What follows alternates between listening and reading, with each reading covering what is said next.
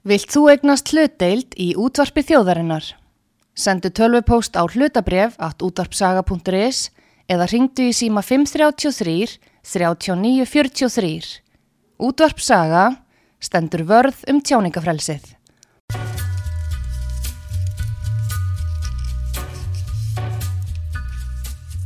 Síðdeis útvarpið á útvarpi sögu. Þáttastjórnandi Magnús Þór Haftinsson. Where the viaduct looms like a bird of doom as it shifts and cracks. Where secrets lie in the border fires and the humming man, you know you're never coming back. Past the square, past the bridge, past the mills, past the stacks. On a gathering storm comes a tall, handsome man in a dusty black coat with a red right hand.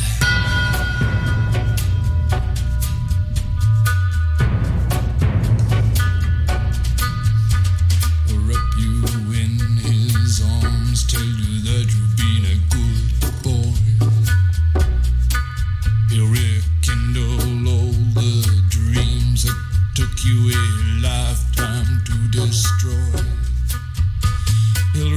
deep into the hole, heal your shrinking soul, but there won't be a single thing that you can do. He's a god, he's a man,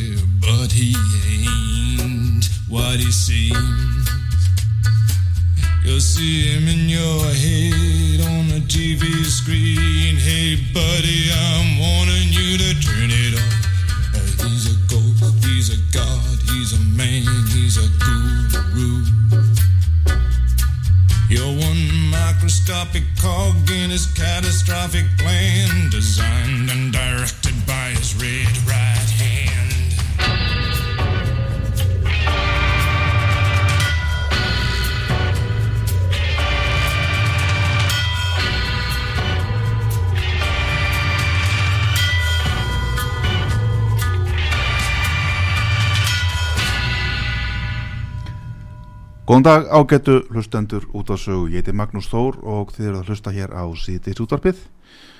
Hlustuðum hér á lag með Nick Cave, Red Right Hand. Þetta er lag sem kom mikið upp í huga minn þegar ég var að lesa hér ágætta bók sem heitir Men Putins eftir Catherine Belton og um, fjallar um Vladimir Putin. Til okkur er komin um, Björn Bjarnason, fyrirværandir á þeirra og reittstjóri, um, sérfræðingur um vartanmál til margra ára allavega mikið vita á þeim það verður velkominn Takk. hérna, uh, mér langaði til að fá þig hinga til að ræða í mitt, til dæmis um þessa bók. Þú skrifaði nú bókadóm um þessa bók í morgunblæðum daginn. Menn Pútins hvernig KGB tók völdin í Rúslandu og bauð síðan Vesturlöndum Birgin eftir Catherine Belton. Þér líkaði vel við þessa bók? Mér finnst þetta mjög merkileg bók. Ég sá hann nú upp álega á ennsku fyrir, hún er nú tiltölulega nýkomin og síðan fagna ég því að hún skulle vera komin á íslensku því að við þurfum að hafa bækur af þessu tægi á íslensku til þess að við fylgjast með því sem er að gerast í kringum okkur. Og menn Pútins fjallar um hvernig Pútin komst til valda og líka þá sem er í kringum hann og hvernig þeir hafa auðgast og hvernig þeir beita sínum völdum og í raun og veru þegar maður les bókina þá þarf það kannski ekki að koma hann á óvart að þessi valdbeiting sem við sjáum núna í Ukrænu að þessi menn svífast einskis eða þeir telja hagsmennin sínum ógnað á eitthvað nátt og þegar Putin ákvaða ráðast inn í Ukrænu í februar að þá færðan í raun þau rauk fyrir því að Úkræna væri einski svirði sem land og ætti bara að vera hluti á Rúslandi og þeir líta þannig á og bókin sýnir að ef þeir ná tangarhalda á ykkur þá er vaðið yfir allt sem hugsanlegt er. Já.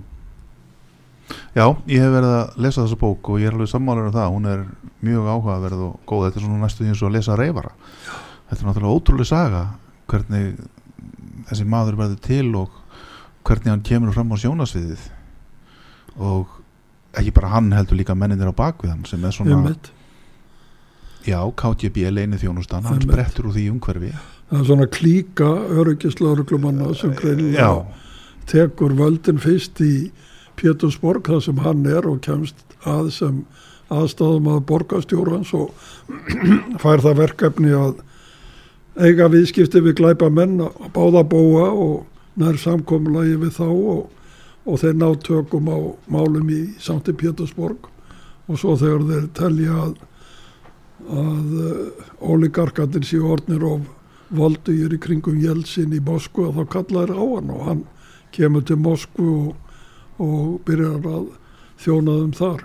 já, einmitt það var hérna ég naut til dæmis um hérna í bókinni þegar hann er verður fórsett í 7. mæ 2000 þá flytur hann í raun og veru ræðu ávarp. Mér langt til að lesa það aðeins. Það segir hérna í bókinni Putin segir þetta Saga landsokkar hefur um aldið grafið sig inn í veggi kremlar. Við höfum ekki rétt til að vera ívanar sem muna ekki eftir fæðingu sinni. Við eigum ekki að gleyma neinu Við eigum að þekkja sögu okkar eins og hún var og draga lærdum af henni og muna alltaf eftir þeim sem skópu rústneska ríkið og stóðu vörðum gildi þess sem gerðu það að miklu og voldugu ríki. Við munum varðveita þessa minningu og teng þessa tengingu við þið liðna og afhenda niðjum okkar allt það sem er best við sögu okkar. Við trúum á styrk okkar og á það að við getum virkilega breytt landi okkar. Ég get fullvisað ykkur um að í aðgerðum mínum mun ég aðeins láta hagsmunni ríkisins stjórna mér. Ég líti á það sem mitt helgaverkefni að sameina íbúa Rúslands, fylgja þeim um skýr markmið og verkefni og muna á hverjum degi og hverjum mínútu eftir því að við eigum eitt móðurland, erum ein þjóð og að saman eigum við eina sameiginlega framtíð. Mér finnst þetta nú eiginlega sko svolítið svona, hann segir strax hvað hann ætlar að gera. Ef við lesum í þessu orð og hugsun síðan hvað hann er að gera í dag að þá er hann raun og veru bara að standa við það sem hann sagði uppálega Já, já, að, að hans eigin áliti að Einmitt, ég meina að það þegar maður lesi gegnum þetta og þegar maður skoðar í ljósið þess sem við stöndum frammi fyrir núna já, margt af þessu sem var, hefur gerst á undanförtum árum að þá er ákveðin heil brú í því. Já, og þegar hann 2007 kemur fram á rástefnunum öryggismáli München já, og segir þar að nú sé einpóla heimurinn með fórustu bandaríkjamanna úr sjógunni já, og nú þurfum við fleiri þjóður að láta að sér kveða. Þá var það ákveðið signa líka um það að rússar væru að, að breytum stefnu því að mm, NATO og þegar maður les það sem gerðist á tíund áratögnum og fram til þess að Putin tók við völdum og hann satt jú á meðal annars á leiðtóafundunum í Búkarest 2008 já, sem eftir hann fluttir aðeina í München þá er hann í Búkarest 2008 og tekur þar þátt í leiðtóafundir NATO sem samstarfs aðili bandalagsins. Já, en smátt og smátt að þá þróast hann í, í aðra átt og hvar kemur það skýrast fram? Það kemur einnig skýrast fram í uppbyggingun og norðurslóðum. Mhm, þegar þeir fara að vinna auðlindirnar á norðurslóðum þegar ólíja og gas verða þeirra megin tekjulindir mhm, og þessar stóru auðlindir á norðurslóðum verða þunga meðan í efnæðstarseminni já, og þess vegna er það núna þegar við erum að horfa á þetta sem er að gerast í Úkrænu sem er að nokkru leita sjálfsögðu líka hagsmunastríð þar sem þeir eru að leggja undir sig auðvugast að hluta Úkrænu, jarðefni og annað slíkt sem er í Úkrænu að þá eigum við að líta til þess hvernig þeir líta á norðurslóður og hvað þeir hafa verið að gera þar.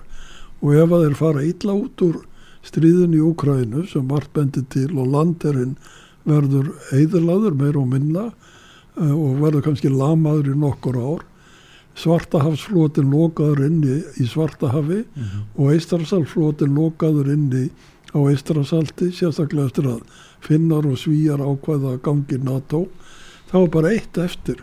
Og það er ennþá norður slóðir, norðurflótin mhm, og það sem þeir eru að leggja áherslu á í, okkar nágrænum að segja með því að nýta öðlindirnar í norðri og halda uppi gífurlega öflugum herrflota á norðurslóðum. já, Þetta er hluti af, af þessum breytingum sem við stöndum frammi fyrir.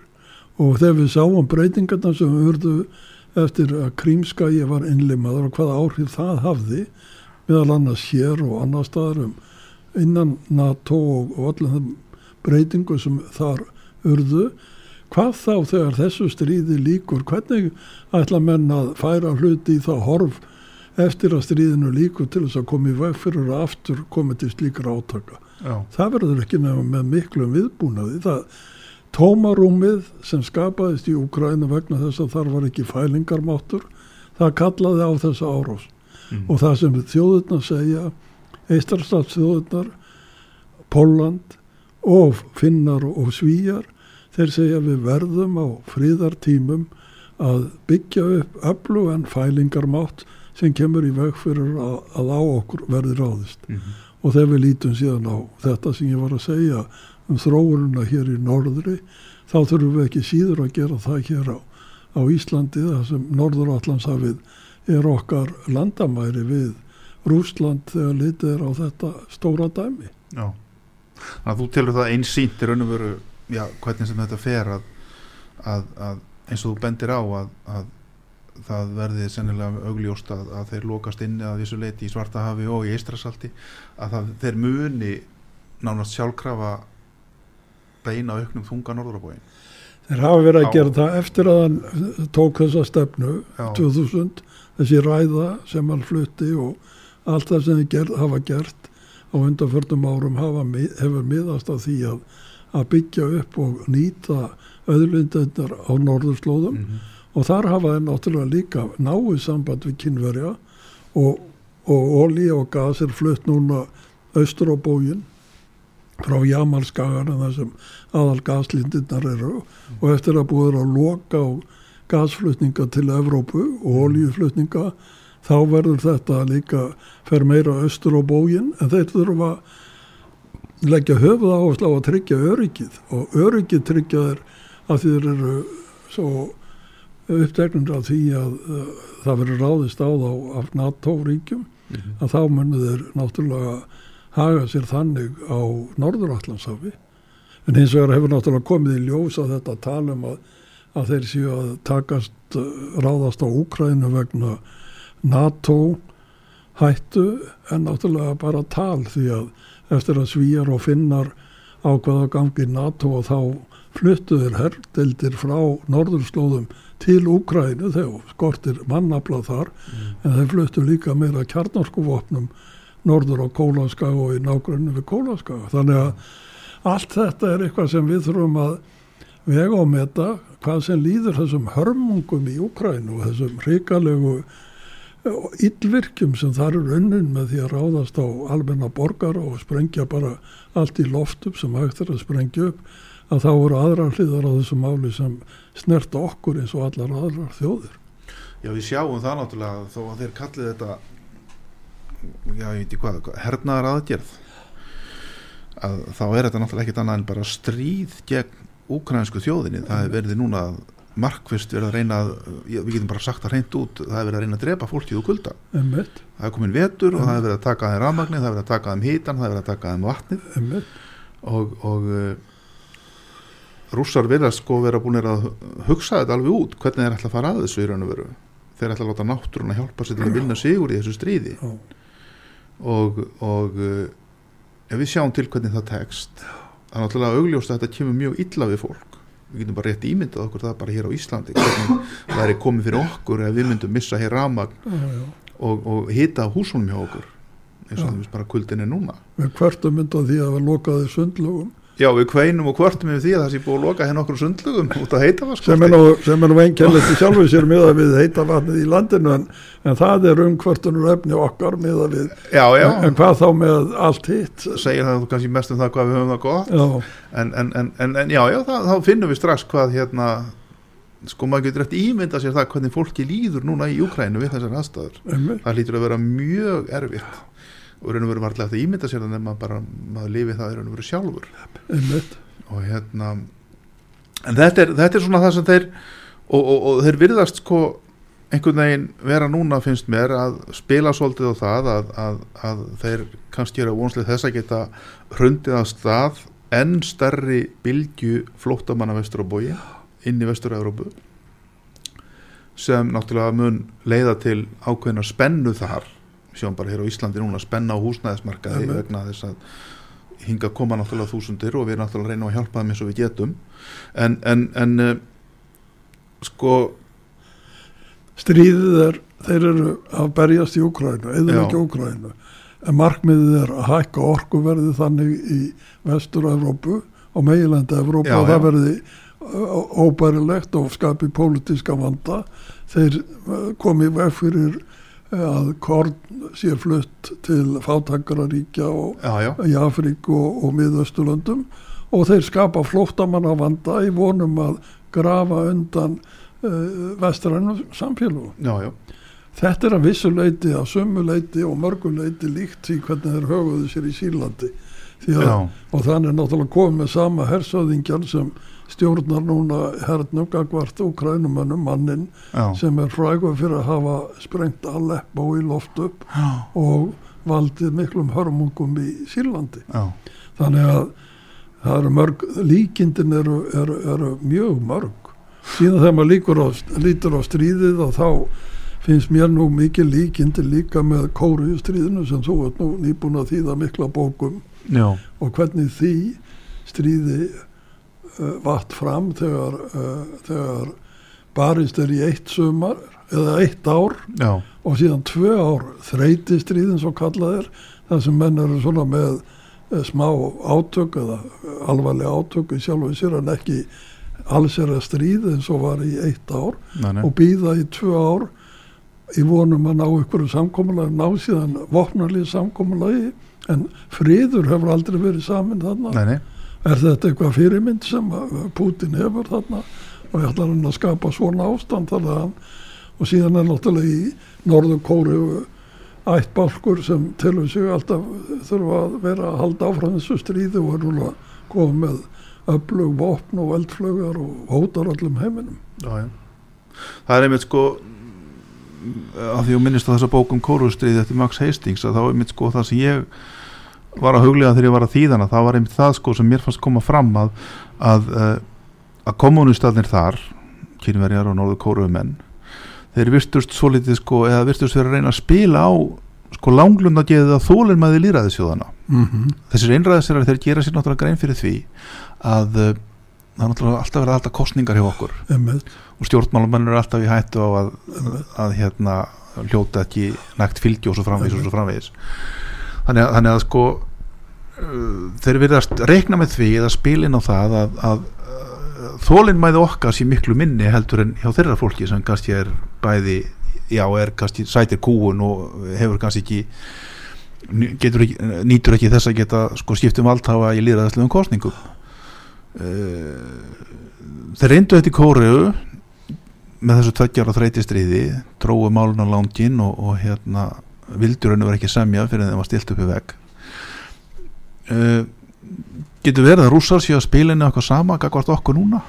Með þessum tremur þáttum sem þú bentir á? Mér finnst það nú líklegt að þeir séu að gera sér vonur um það fyrst hann gengur svona ítla á vikvællir og þeir heldur náttúrulega þeir myndu leggja landið undir sig á einni vik eða eitthvað svoleiðis. Nú, nú eru bráðum fyrir að nálgast árið sem þeir eru búin að vera þarna. Mm. og, og þeir sjá að þeir ná ekki þeim árangri. Þeir voru með 20% af landinu undir þegar stríðið hófst. Það hefur minga frekar heldur en aukist og það virðist vera að Úkrænu hér sé staðræðinni því að ná öllu því landi sem hann getur. Jafnvel talað um að þeir muni fara inn á Krímskaga og, og reykja rúsa á þaðan. Þannig að, að þetta er náttúrulega staða fyrir rúsa sem þeir hafði aldrei ímyndað sér að, að yrði og, og hvernig allar að komast út úr því og, og hvernig áhegilega að komast út úr þessu meðan Putin er við völd. Og ef að maður les bókina uh, menn Putins að þá er líka rétt að hafa það í huga hún heitir menn Putins vegna þess að, að hyrðin í kringum hann að hún hefur náttúrulega sitt að segja. Þeir, þeir ákveða þarna eins og við sáðum í upphafi að ná í mannin í Pétursborg sem hafði eh, honum hafði tekist að leggja undir sig glæpa gengið í Pétursborg og, og nýtt sér tekjur af því og þeir vildu fá hann til Moskvu til þess að, að ná svipuðum tökum og hann heldur fundi með ólíkörgónum fljótt eftir að verða fósitt og segir við á hingað og ekki lengra nú skulið þið fara eftir því sem ég segi og vil, vil. Já, einmitt. Það kemur fram í á einmitt þessari bók sko að þessi leinið þjónustum en KGB menn að þeir voru sko þeim leist alls ekkit á þessu ólíkarka Nei, þeir voru að missa tökinn á þeim. voru að missa tökinn á þeim og, og hérna og, uh, og þeir hafa verið hundeltir ekki bara í Rúslandi heldur líka í, í, í London og annar staðar. Og, og þeir handtóku nú þann ríkasta og dæmdan í tíu ára fangelsi. Mm -hmm. og eins og segir í bókinni það var náttúrulega voru skilabóð sem hinn er átt að, að taka alvarlega og hann hefur síðan uh, þarna, ég man nú aldrei hvað hann heitir hvað, hann hefur síðan er búsettur í Svist núna, hann var sleft eftir tíu ár og hann er að skrifa bækur og hann er að vara menn við. Bill Browder, tvær bækur hafa komið eftir hann á íslensku, á íslensku eftirsóttur og ofsóttur og mm -hmm. eftirlýstur og ofsóttur og þær lýsa náttúrulega þessu stríðu við Putin sem snýst að mestuleitu um peninga no. og um eignir Putins og, og þegar hann virðist hafa komist inn á leinileðinar um peninga Putins Browder og þá er hann settur á, á ís og, og reynd að gera allt honum til miska sem hægt mm -hmm. er og fá lögfræðinga og svo bóku ofsóttur snýst að verulegur leiti um lögfræði deilur þar sem hann er að hvetja til þess að eignir þessara manna verði kyrsettar en, en þeir verjast mjög fumlega með dýrustu lögfræðingum í heimi Ó. þannig að uh, þetta er og, og ef maður setur Úkrænustríði inn í það uh, mótel að þá má segja að þetta er valdabaróta fyrir ákvæmna klíku sem verðist bara að hafa rúsnesku þjóðin eins og í bandi en það ef að menn tala um stríð þá eru mm. demtir í áttar á fangelsi Já þannig að þetta er náttúrulega svo ótrúlegt að, að maður skulle lifa þessa tíma þar sem þetta allt er að gerast bara hér í, þetta, í, þetta í nokkra klukkutíma fjalla Já, þetta samfélag virðist vera að þróa jafnt, þróast jæmt og þétt í eins konar ég hvað ég á að segja fasista ríki. Ég meina reitskoðun og málfrelsið, fangilsanir og ofsóknir og líi og- því að það er náttúrulega logið af fólkinu líka það, það er búin til einhver annar veruleiki. Það má ekki tala um stríði það má ekki tala um neitt sem er erfitt það á allt bara vera til uh, dýrðar stjórnendunum. Mm. og svo þegar hinn er uh, í byrjun oktober eðalegja brú eða ekki þeir eðalaðan og ekki þeir já, já, þá bara sagt, já fyrst þið gerðu þetta þá ætlum ég að eðalegja landið ykkar. Já, og þið, ykkur, ykkur er nær að, að gera þetta. Ég var fyrstu til að fara yfir þessa brú og þið eru að eðalegja hana. Þið fáu bara þetta allt í hausin þetta er svona þetta, er, þetta er alveg makalust að horfa upp á þetta því að sko uh, rússar hafa ekki eins og líst yfir formlega stríði gegn Ukraina nei, nei, þeir kalla þetta hernaðar aðgerð en samt eru þau núna í allsýrin árás á landið og þjóðina. Og, og, hérna, og, og beita fyrir sig sem sagt, því þeir ætla að eðalegja alla innvið og, og, og eins og við sagði áðan ætla að reyna að drepa fólki úr kulda. Emmitt en þetta er, hann, virðist ekki geta kallað út fleira, hann kallaði þarna 300.000 mann á varalið en, en það, það 700.000 var ekki flúðu land strax Mm. þannig að, að hann, þetta er náttúrulega eitthvað ástand sem við, við bara skinnjum þetta ekki hvernig þetta er. Nei. Telur þú að það var í er einhver lust á þessu? Er, er ég meina er eitthvað hægt að semja við þessa menn? Vill ykkur semja við Putin hann er alltaf búið að lýsa því að þetta er allt stríðsklæpur orði það, að, að beita þessum aðferðum sem þau beita núna til þess að eðilegja bara sjúkrahús og, og leikskóla og, og, og samgöngumannverki og rafstöðar og annað slíkt. Þetta eru stríðsklæpur, þetta samræmist ekki þeim lögum sem mannkinnið hefur komið sér að þetta er bara, þetta eru beinar árásir á óbreytta borgara, þó menn séu að beita fyrir sig vetri konungi, þá er þetta bara beinar árásir á óbreytta borgara, þetta er ekkit annað. Og hvernig er þetta að semja við svona menn? Já, og það, það var nú verið að veita friðaverður Nobels á lögadaginn og það var kona frá Úk Úkrænu sem uh, tók á móti velunum fyrir uh, samtök sem hún stjórnar og stöðlar að frjálsu samfélagi.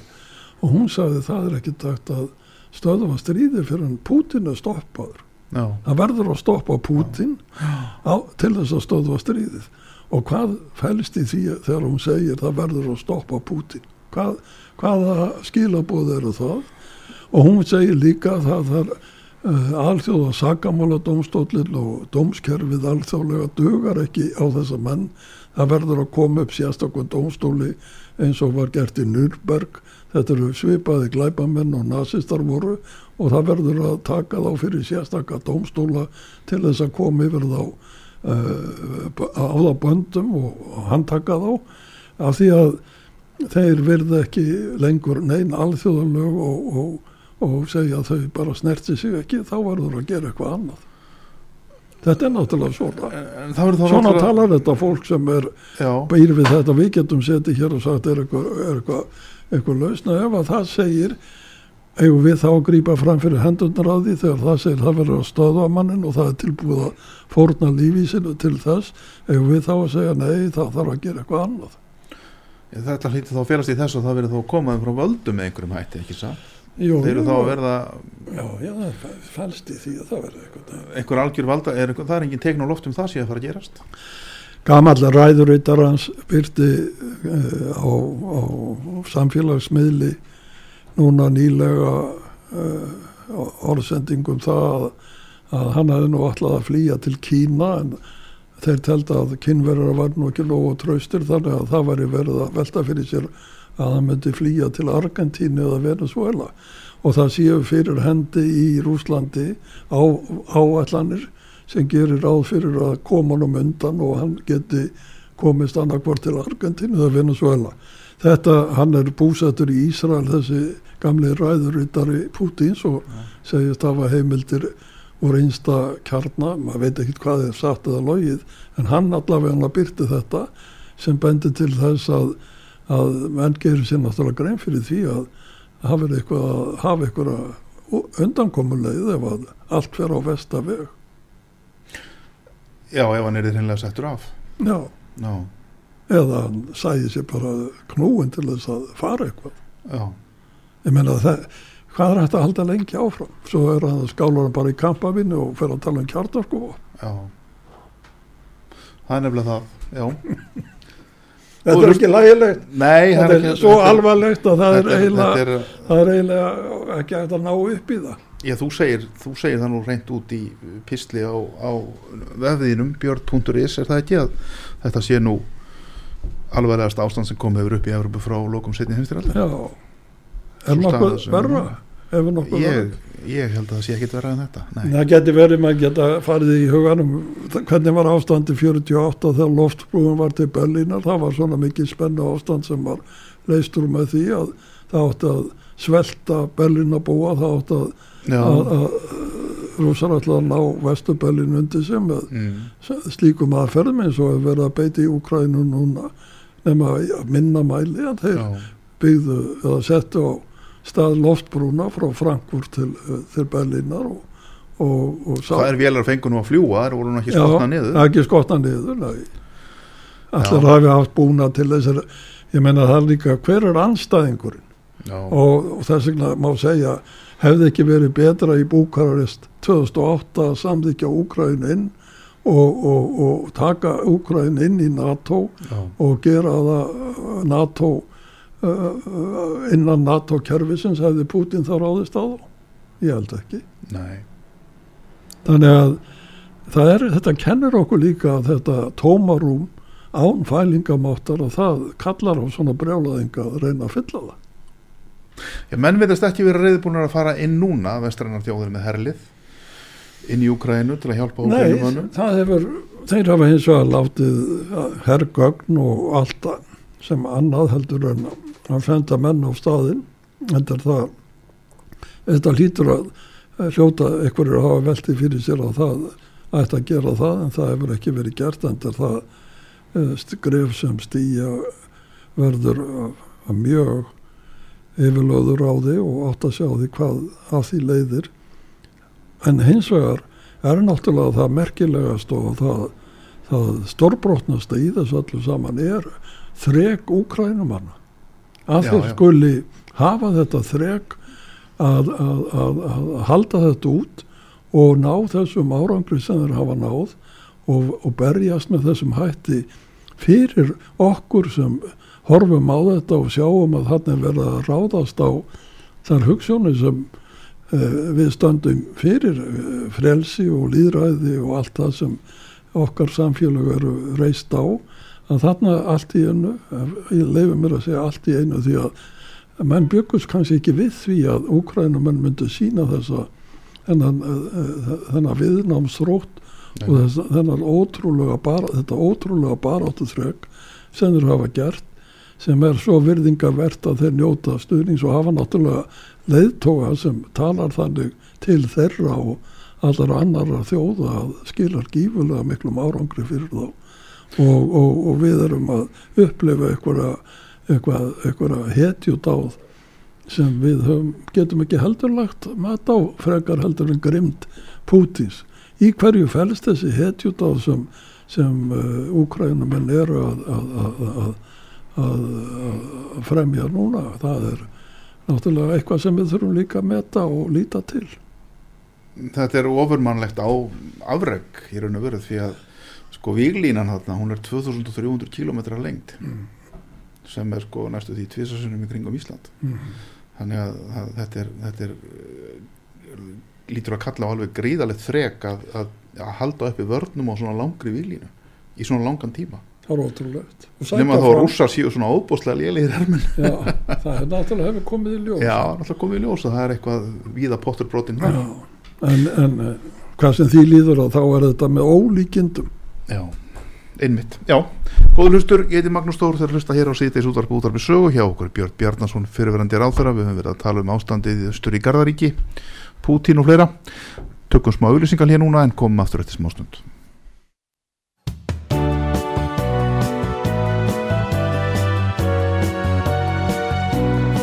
Síðdeis útvarpið á útvarpi sögu Þáttastjórnandi Magnús Þór Hafsteinsson.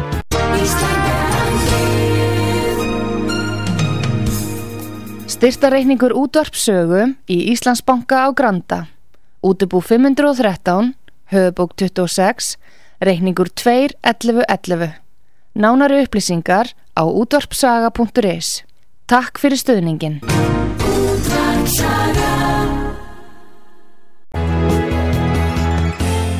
Komið sælættur Við komum hér aftur í setni hálfleik í þættinum hjá okkur í sítis útvarpinu og sögu. Ég heiti Magnús Þór og hjá okkur er Björn Bjarnason fyrirverandi ráð þeirra Við höfum verið að tala hér um Vladimir Putin fórseta Rúslands uh, nýja og mjög góða og efnisríka bók sem hefur komið út um hann núna fyrir þessi jól sem heitir Menn Putins Við vorum líka að ræða um Ukrænustríðið og svona horfurnar í þeim málum öllum saman Mér langar núna í setni hlutanum aðeins til að koma inn á uh, skýslu sem þjóðarörgisráð var að gefa út að senda frá sér bara núna í síðustu viku held ég Þú hefur aðeins fjallað um hann á þínu vefsvæði, skrifað um hann að pistil uh, Fyrst langaði mig til að spurja hvernig finnst þér þessi skýsla? Sko, hún er mjög tímabær, það er mjög tímabært því að þegar þjóðurörgisráð var stopnað 2016 Mm -hmm. Að þá var lág fyrir matskísla frá 2009 þannig að við erum núna 2022 Já, og það er verið að gefa út skíslu sem tekur við af skíslu frá 2009 og þessi skísla er í raun og veru þetta er í raun og veru ef að ég skilur rétt þriðja útgáfa af skíslu sem var unnin 2018 eða eitthvað tíman á þeim byli eða síðar. Af því að í þessari skíslu sem við, þú ert með í handónum og kom út núna og var lagð fyrir þingið að þar er eh, tekið mið af Úkrænustríðinu, mm Mhm. nýjustu útgáfunni sem fórsetisráðara hefur lagt fyrir þingið. Og í þessari skýslu eru 78 ábendingar um ímislegt sem nöðsilegt er að gera til að tryggja okkar þjóðaröryggi en herrvarnir eru ekki nefndar og það er það sem ég hef verið að benda á að við getum ekki skilað auðu þegar kemur að herrvörnum og okkar þjóðaröryggi. Þannig að, að það þarf að líta til þeirra. Það hafa allar nágranna þjóður okkar eh, brúðist þannig við vegna stríðsins í Úkrænu að efla sínar varnir. Og meiri sér normenn okkar nágrannar næstu hafa hækkað viðbúnaðastig hersins hjá sér mm og sett hann í nýja stöðu. Og gert ýmsar aðrar ástafanir sem sína að þeir hafa aukið árvekni sína já, já. og hann tekið fólk fyrir að taka drónamyndir og annað slíkt sem þeir teljað ógni öryggi Noregs. Þannig að það er greinileg framvinda á þann veg hér á okkar slóðum að þeir sem ráði yfir hér afla að þeir eru að, að, að virkja hann betur já, já. og búa svo undir að, að eitthvað geti gerst komið vekk fyrir að hér myndist tómarum. Þeir senda mjög ákveðin skilabóð norðmenn, skýr skilabóð um það að þeir eru á verði, þeir halda áruvekni sinni eins og segir, þeir hafa verið að átjæra rúsneskara ísborgarar fyrir að vera að fljúa drónum og taka myndir af mannvirkjum og öðru norski flótin, vaktar leðslur, gasleðslur á sjáabotni og, og, og, og stendur vörðum um ólíbórpallan og annað þess að og þjóðverjar sendu fl- uh, herskip líka til aðstóða normannum í þessu skip. Já, já. Þú segir hér einmitt síðast í einum pisleginum bara núna fyrir örfáum dögum. Já, þetta byrtist í morgunblæðinu. Morgunblæðinu, já, já, já, já, já. Birti, Þú segir hér loka orðin þegar svo kemur að því hvort styrkja í varni landsins í ljósi matsins er skilað auðu. Þá er það að tala um þessa skýslu frá um, mat þjóðarækisráðs að skapa sér þá sérstöðu er óskinsanlegt hvað myndir þú vilja gera meira svona beinskeitt ef ég spyrði bara beint hvað á fallegu máli konkrétt hvað myndir þú vilja? Það sem hefur náttúrulega, það sem vantar hér í þetta er að í þessa skýslu er að við höfum ekki hér rannsóknir og, og, og óhlutrætt mat mm. á okkar stöðu. mm Þessi skýsla er byggð á því að þeir senda út óskir til uh, fjölda aðila sem eru sinna almannavörnum og fá ábendinga frá þeim eða tillögu frá þeim, áhættumat frá þeim og um stöðuna. Þetta er eitt. Það eru netöryggi og það eru lofslagsmál og það eru slík mál. Þetta eru svona mikilvæg málefni en almanna varna tengt mm. síðan er önnur hlið málsins og það eru herrvarna hlið já, það er engin aðili sem kemur hér það er engin aðili sem leggur það mat að það sé hægt að leggja þetta grundvallar í þessari skýslu hvað við þurfum að gera Nei. þar er skilað auðu, þannig Mhm. er skilað auðu mm.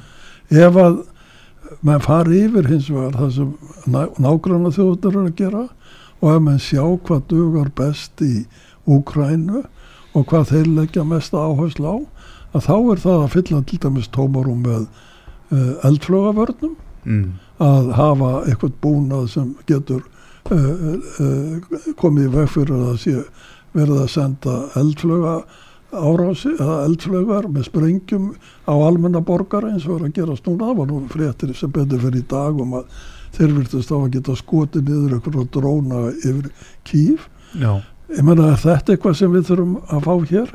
Er þetta eitthvað sem við þurfum að, að, að ræða við okkar uh, bandamenn að, að, að, að, að koma upp slíkum vörnum hérna til þess að, að loka tómarúmi sem kann hér að vera það sem við lítum á það að norðurflótinu komum með, með stýriflögar sem draga þúsund uh, kílómetra eða meira já, og, og hva, hvaða vegalendir eru við að tala um og hvaða skotmörk eru við að tala um og hvernig lítur þetta út. Það er þetta mat sem vantar og að þessu leit er skilað auðu í þessari skýslu. já. Hvað er það sem, uh, hvað, hvernig eigum við að bregðast við með hlýðsjón á okkar hagsmunum í ljósi þess sem er að gerast meðal annara þjóða.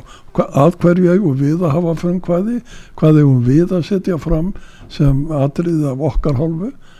Fósettisræður hefur undir þetta grunnstefnu NATO í Madrid í júni á þessu ári.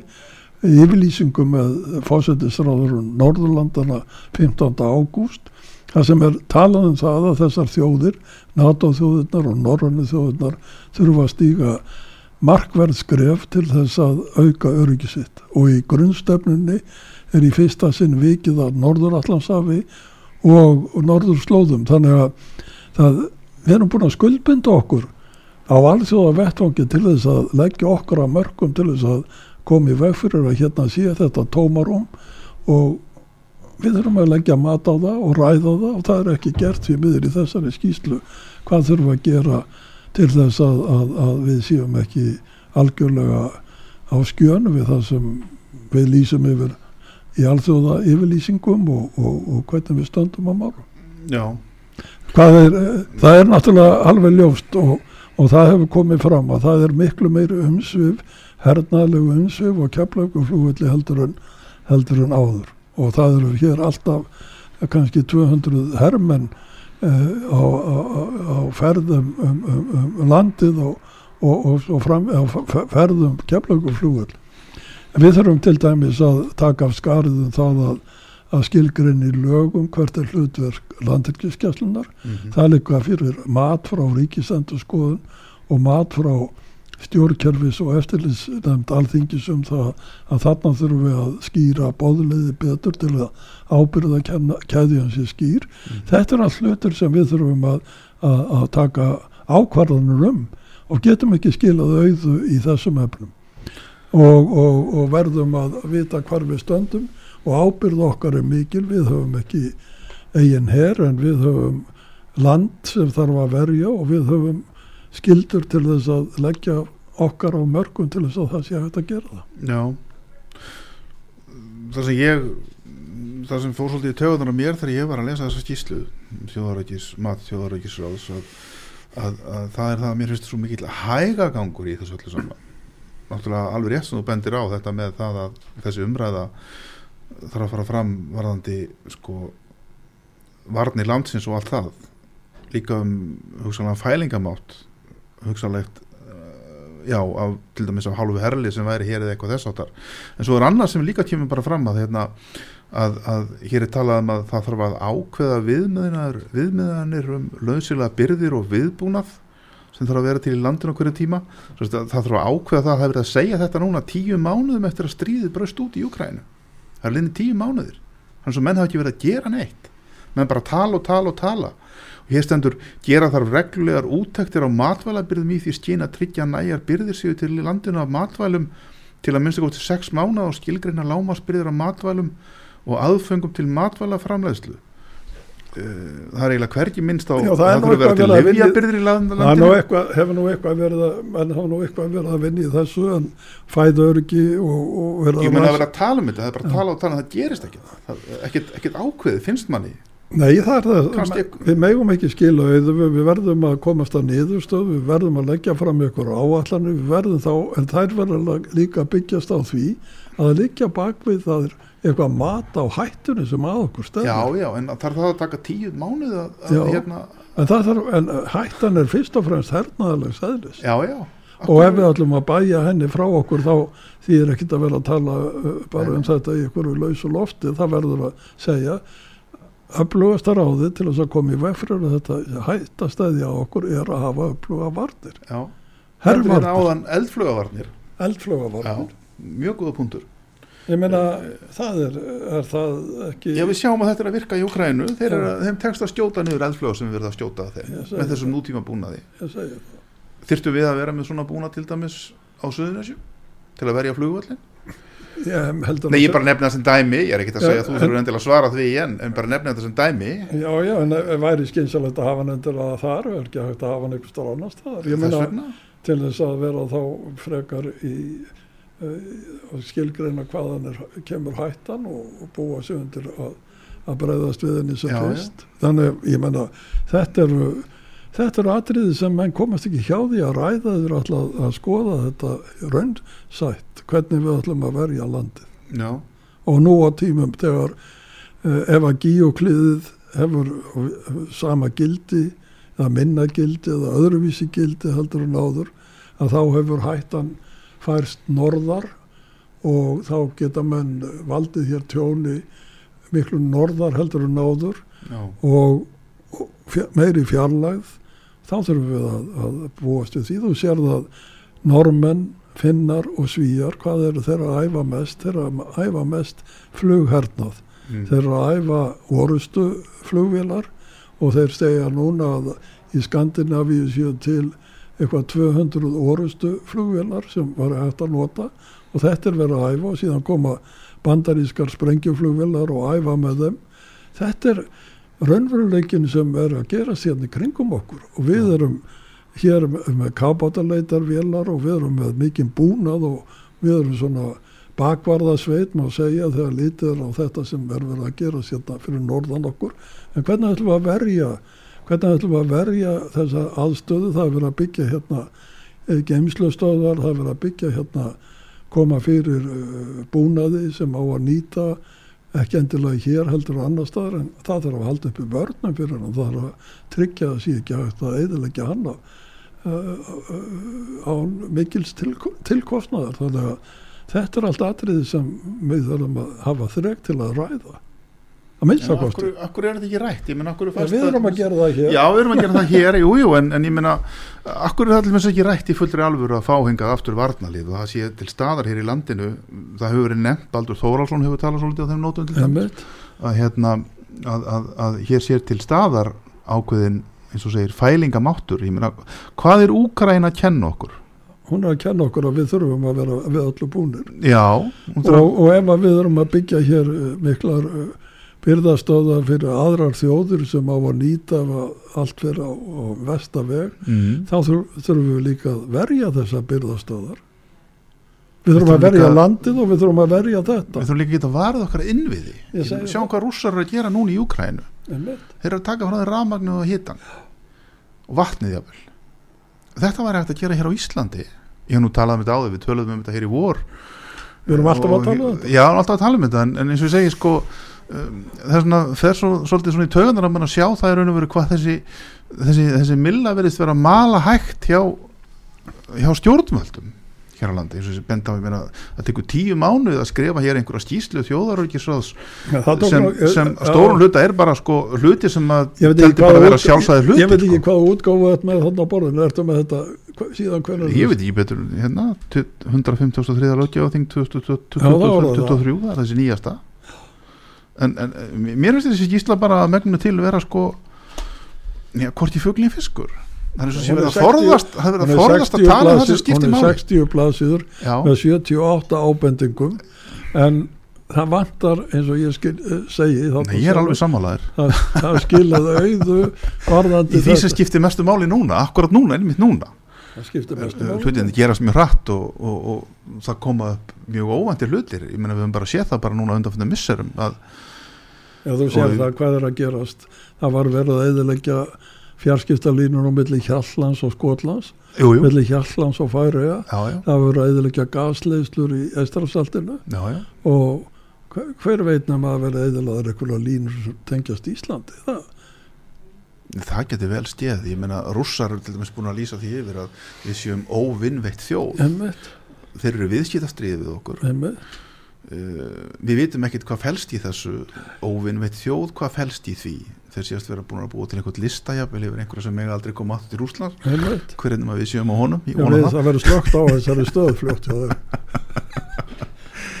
Já, nei, nei, en, en ég meina sko uh, þetta er, þetta er, þetta veldur manni heilabrótum eru það vinstri grænir sem standa í vegi fyrir því að þessi umræða færi fram Nú erum við bara hér, sitjum við bara hér við erum bara almenni borgar Já, já, já, og velta þessu fyrir okkur. Ég veit ekki hvernig, hverju kom í veg fyrir hvað eða hvaða tillögur hafa komið fram eða hverjum hefur verið hafnað. Já, en ég veit hvað stendur í þessari skýslu og ég get uh, lagt mat á það en eins og ég get skrifað um bók Pútins eða Kóraugustríðið en ég get ekki sagt meira, ég veit ekki hvernig staði var að mála tilbúnaði.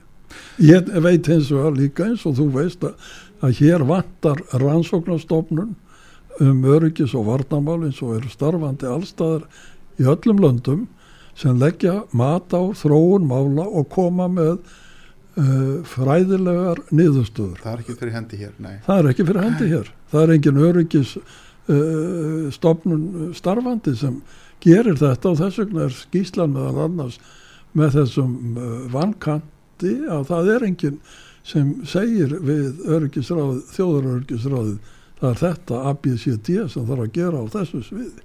nei, nei, og þessum bolt er ekkit veltin í þingið Ég Nei, meina, nei. þessi skýrsla hefur verið til umræði auðrækismálun nefnd Vafalaust. ef það hefði eitthvað staðið í henni um það að það ætti hér að ebla varnir landsins og fá jafnvel hingað eitthvað varalegt herlið, varnalið. Þá hefði það kannski verið rætt í svolum þingsins Já, já, það getur vel verið að það sé líka rætt Það getur verið að sé rætt á fundum við ríkismálunendan, ég veit það ekki.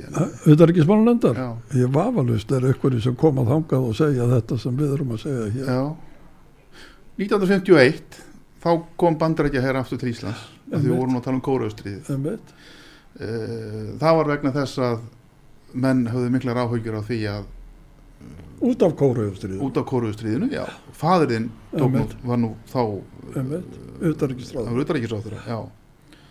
Menn höfðu áhugjur á því að rússar væri að færa sig upp á skaftið, eða. Sovjetríkin, Þá komu tilmæli frá NATO já, og sagðu við getum, treystum okkur ekki til þess að verja landið og fjalla. mm, Þetta er nú svona í stuttum máli já, og þess vegna teljum við nöðsulegt að það sé liðsafli í landinu til þess að sé hægt að tryggja öryggið þess. mm, Er núna einhverjum sem segja við íslenskar áðamenn við getum varðið landið og fjalla þess vegna þarf ekki að gera neitt. Ég þekki það ekki. nei.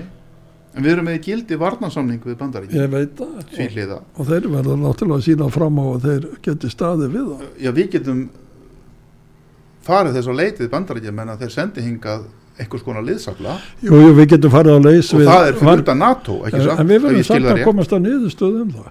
Komast, já, já, sjálfsögðu. Og við verðum að leggja eitthvað að mörgum sjálfur. Já, Og miklu meira heldur en áður á því að við erum núna með ábyrðina af öryggisvæðil og kemlangum flúvelli virðjöngum ratsjástöðarnar og við þurfum að, að hafa okkar mál á reynu og, og, og krafan er núna eins og veist allstaðar já, við gerum þetta en þið verður að leggja meira mörgum heldur en áður og þið verður að gera A, B, C, D Mm. erum við tilbúin til þess þetta er mál sem verður að ræða já, þetta er mál sem verður að ræða, og gera eitthvað í því Og núna eftir því sem líður á veturinn og, og, og, hérna, og já, ástandið er ískikilegt. Það verður bara að segjast eins og er. það er ekkert við veitum ekkert nema að hann grípi til maður hvað Það þá? Hvað þá? Það getur allt farið í bála brund, brand. Uss, það er að koma jól. Það- þú sagðist þetta, þetta Skulum, skulum. Jóla þáttur þetta var jólaþáttur. Já já, við skulum segja, það er nú ekki öll von úti en við skulum vera bjarsín og, og hérna Er þetta leiðin til að koma þér í jólaskap? já, getur vel verið, ég veit það ekki. Þetta er þetta svona hluti sem maður er ofta að velta fyrir sér og, og hérna. En það er nú það, já, Björn Bjarnason takk fyrir skemmtilega spjall og gleðileg jól. Já, gleðileg jól. Góð hlustur, verðið sæl, ég heiti Magnús Þór heyrust, bless